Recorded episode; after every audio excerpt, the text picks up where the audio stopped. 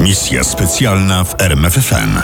Sekrety polskiego wywiadu 1939-1945. Odcinek szósty. Kim jest Armand? Czyli wielki sukces Abwery. Ta historia miała kilka początków, dlatego tak trudno zdecydować się od czego zacząć. Pewna była tylko data i to w dodatku niezupełnie dokładna. Jesień 1941 roku oraz miejsce również potraktowane ogólnie. Gdzieś we Francji.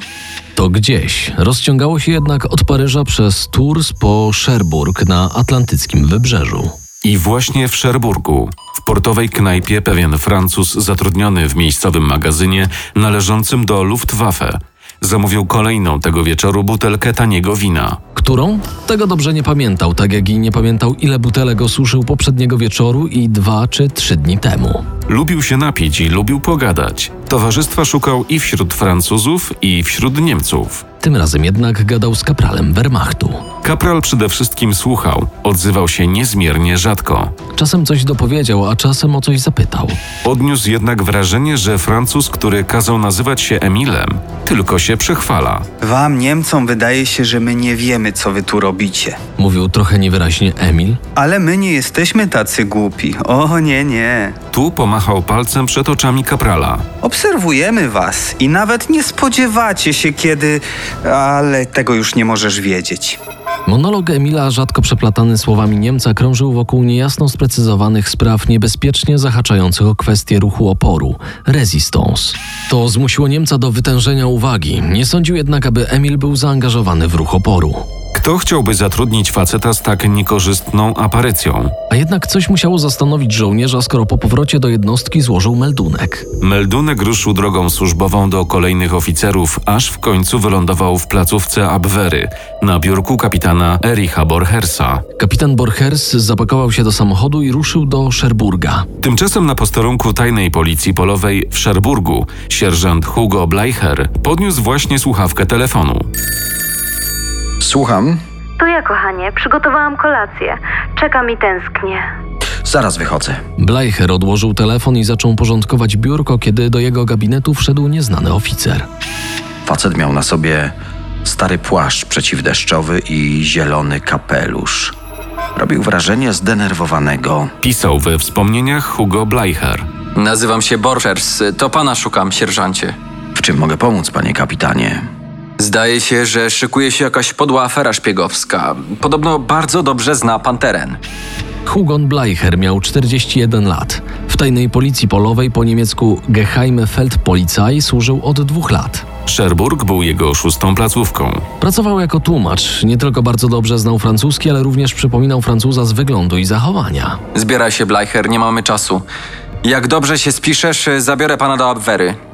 Jeszcze tego wieczora Borchers i Bleicher pofatygowali się do aresztu, gdzie siedział wygadany Emil. Emil, bo niestety jego nazwisko nie było znane, trafił do aresztu zaledwie kilka dni po meldunku sumiennego kaprala Wehrmachtu. A ponieważ i wówczas popijał wino w portowej knajpie, był dość mocno wstawiony. Chwiał się na nogach i bełkotał coś niewyraźnie pod nosem. Zabrano go na przesłuchanie, które przeprowadził Bleicher. Bo to on płynnie znał francuski, czego nie można powiedzieć o Borchersie. Przesłuchanie jednak szło niemrawo, bo Emil mówił nieskładnie, urywał w pół zdania, mieszał wątki, to znów nadmiernie się ekscytował. On jest pijany. Zauważył kapitan Borchers. Nic z niego nie wyciągniemy. Ale Bleicher nie zamierzał się poddać. Cierpliwie zadawał pytania i cierpliwie słuchał bełkotliwych odpowiedzi. Jeśli czegoś nie rozumiał, pytał jeszcze raz, aż do skutku. W rezultacie pośród całej masy niepotrzebnych informacji uzyskał tę jedną najważniejszą, zamykającą się w jednym słowie. Desire. Co on mówi? Zapytał Borchers. Wymienił jakiegoś Desire. To pseudonim faceta, dla którego wykonywał różne zadania. Jakie zadania? Co dla niego robiłeś? Hej, Emil! Słyszysz mnie? Pytałem, co dla niego robiłeś. Chciał wiedzieć, gdzie budujecie lotniska i schrony dla ubotów. Coś jeszcze? Nie pamiętam, on często coś ode mnie chciał. Zapytaj go, jak wygląda ten Desire.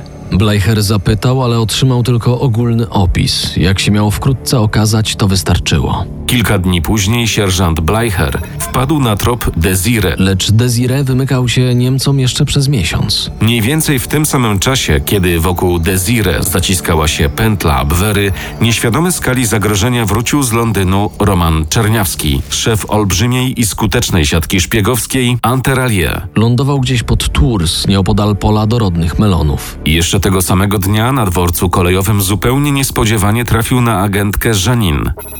Niemcy aresztowali Żana.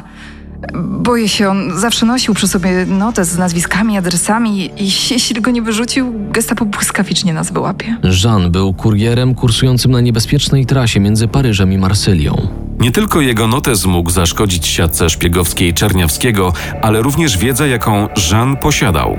Znał wiele osób z Anteralie. Dalszy ciąg złych wiadomości czekał na Czerniawskiego w Paryżu. Przekazała je przyjaciółka, a być może nawet kochanka Czerniawskiego. Kobieta, z którą zbudował Anteralie. Kent się buntuje. Musisz z nim porozmawiać. Kent, co się dzieje? Zapytał następnego dnia Czerniawski. Mam wrażenie, że nie ma pan do mnie zaufania. Nie wiem, co się dzieje. Przeszkadza mi ta cała wewnętrzna konspiracja. Gdyby nie hasła nadawane dla nas przez BBC, to nawet nie wiedzielibyśmy, że pracujemy dla Londynu. Obiecuję, że to się zmieni. Dostałem zgodę na reorganizację siatki, dam wam więcej swobody, ale jeszcze nie dziś. Takie zmiany wymagają przygotowań. Bądź cierpliwy. Wstępne założenia były już gotowe. Czerniawski chciał podzielić Anteralie na trzy autonomiczne siatki szpiegowskie, które zajmowały się Luftwaffe, Wehrmachtem i Kriegsmarine.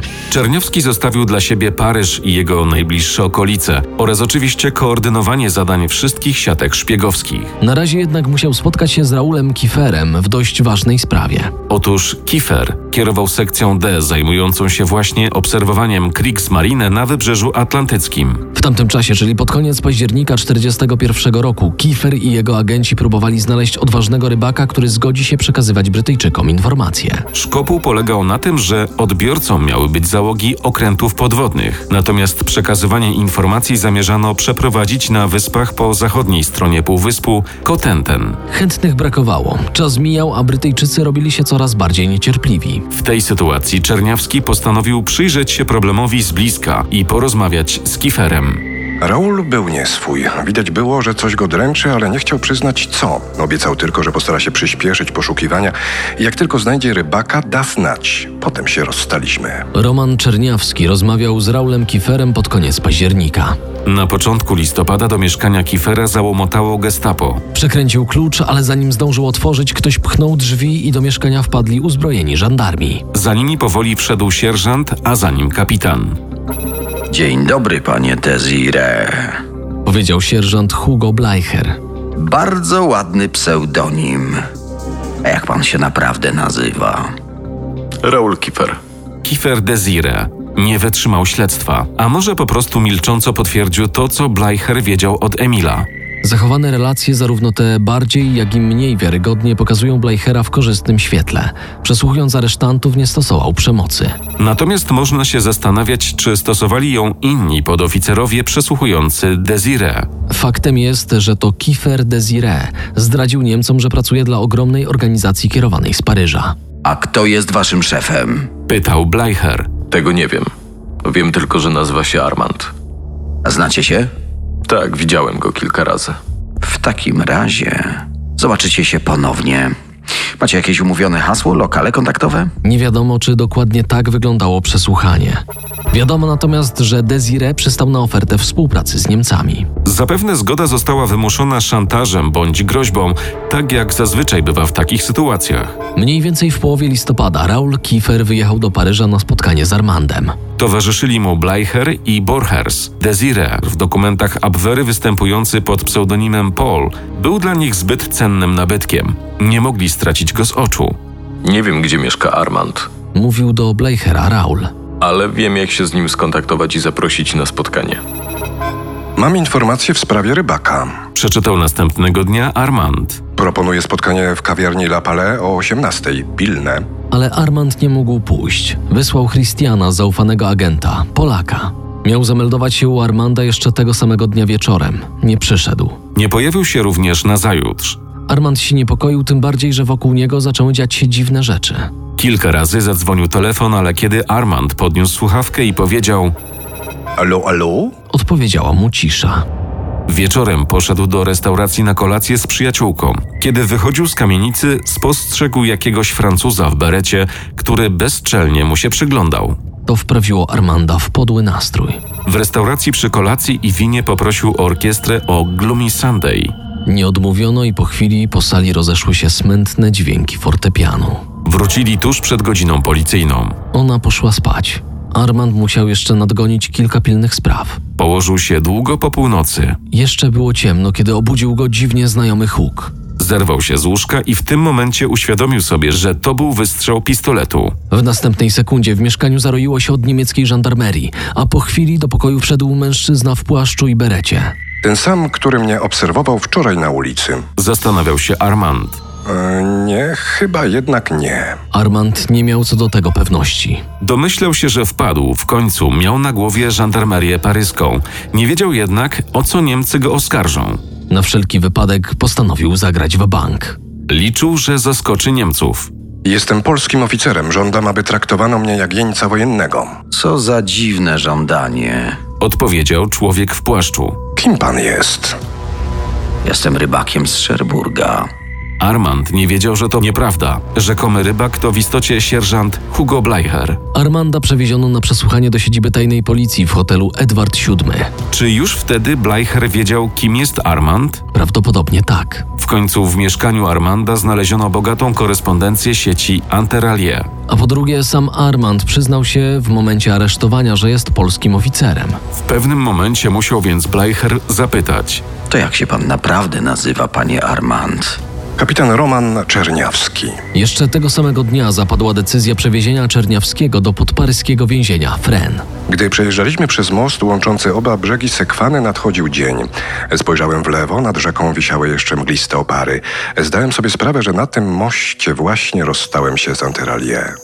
Był 18 listopada 1941 roku. W ciągu najbliższych dni wyłapano ponad 60 agentów Czerniawskiego. Do aresztu trafiła również Matylda Carré, która zdradziła Bleicherowi wiele tajemnic, a w końcu została jego kochanką. Najbardziej efektywna siatka wywiadowcza w okupowanej Francji przestała działać. Doktor Skowroński, a w zasadzie major Mieczysław Słowikowski, znany jako Rygor, pierwszy zwierzchnik Czerniawskiego zapisał. Zastanawiając się nad roczną pracą Armanda, zgodziliśmy się, że dostarczył on wielu wartościowych i cennych wiadomości, między innymi dotyczących znakowania oddziałów niemieckich. Szkoda, że ta praca tak szybko się skończyła. Rygor nie miał racji. Armand, kapitan Czerniawski, miał jeszcze pokazać, co potrafi. Nastąpiło to jednak dopiero po kilku latach, w innych warunkach i pod nowym pseudonimem. Misja specjalna w RMFFM. Na tropie największych tajemnic historii.